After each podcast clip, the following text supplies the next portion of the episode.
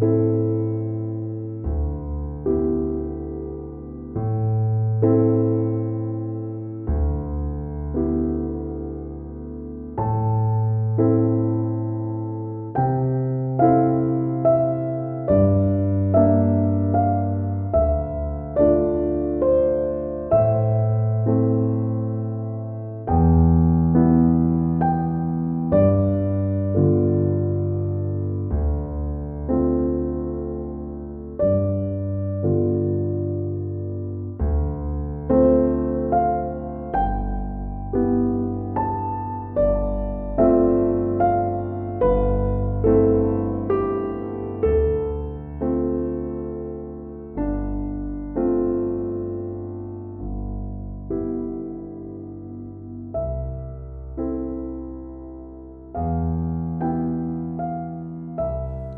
De omgang. 20 mei. Zo vlak voor hemelvaart is het niet vreemd dat we nadenken over de vraag: wat is dat eigenlijk, hemel? Wij lijken dat zo vanzelfsprekend te vinden, maar het tegendeel is eigenlijk het geval. Is er meer dan we zien en horen en ruiken, proeven en kunnen tasten? Dat lijkt me wel. Het is wel een beetje kinderlijk om te denken dat met alles wat er op onze kegeltjes en staafjes valt, of de hamertjes en stijgbeugeltjes laat trillen, de hele werkelijkheid door ons wordt begrepen en gevat. Zo menen we dat er drie dimensies bestaan en niet meer dan dat. We denken van niet omdat we niet in meer dan drie dimensies kunnen kijken. Maar het is niet zo'n verstandige conclusie dat ze er dan ook niet meer kunnen zijn.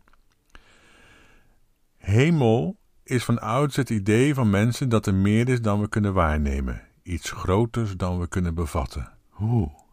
Dat is in de Bijbel ook zo, maar daar wordt wel mee gespeeld, als ik het zo eens met een wat misverstandwekkend woord mag zeggen, want het is wel een serieus spel dat de profeten van Israël spelen. Het punt is namelijk dat in de Bijbel niet geldt wat we niet kunnen zien en horen kan van alles zijn. Het kan vriezen en dooien, met die onbekende machten en krachten die zich aan onze blik onttrekken. Allereerst wordt gezegd, in openbaringen bijvoorbeeld, je kunt het gewoon uitrekenen waar de machten zich bevinden en op welke manier je wordt gepakt. Het heeft een getal, 666. Het is niet vaag en mistig. Dat willen de machten zelf graag, maar je kunt ze gewoon ontmaskeren hoor. Hoe? Door gewoon goed na te denken en met dingen rekening te houden, optellen en aftrekken dus. Maar er is meer. Beelden. De Bijbel leeft, of liever gezegd, laat ons leven van de verbeelding en de verbeeldingskracht.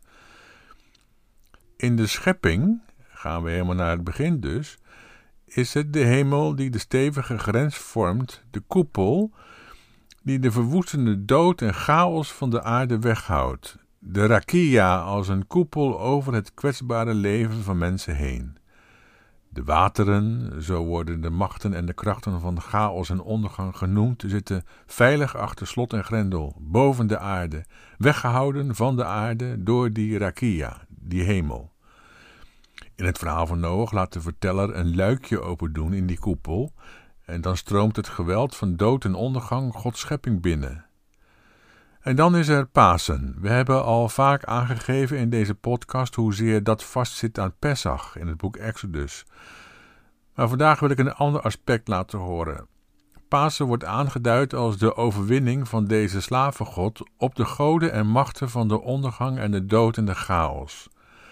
Grappig, en meer dan dat, is het dat de vertellers de Messias over de wateren laat lopen.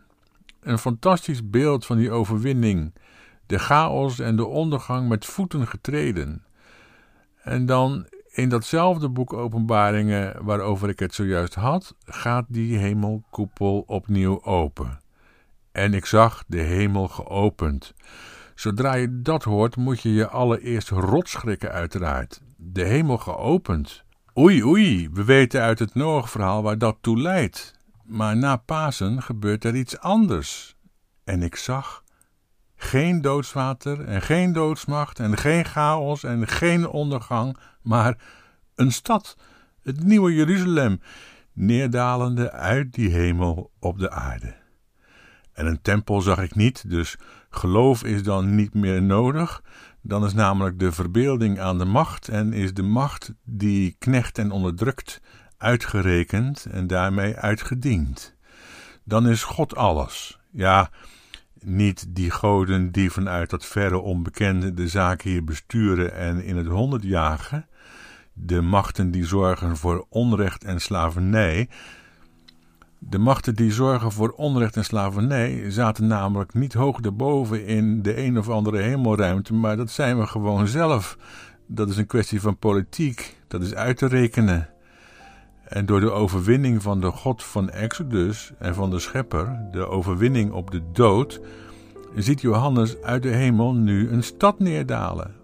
Ook een polis, maar met een andere politiek dan die van Rome.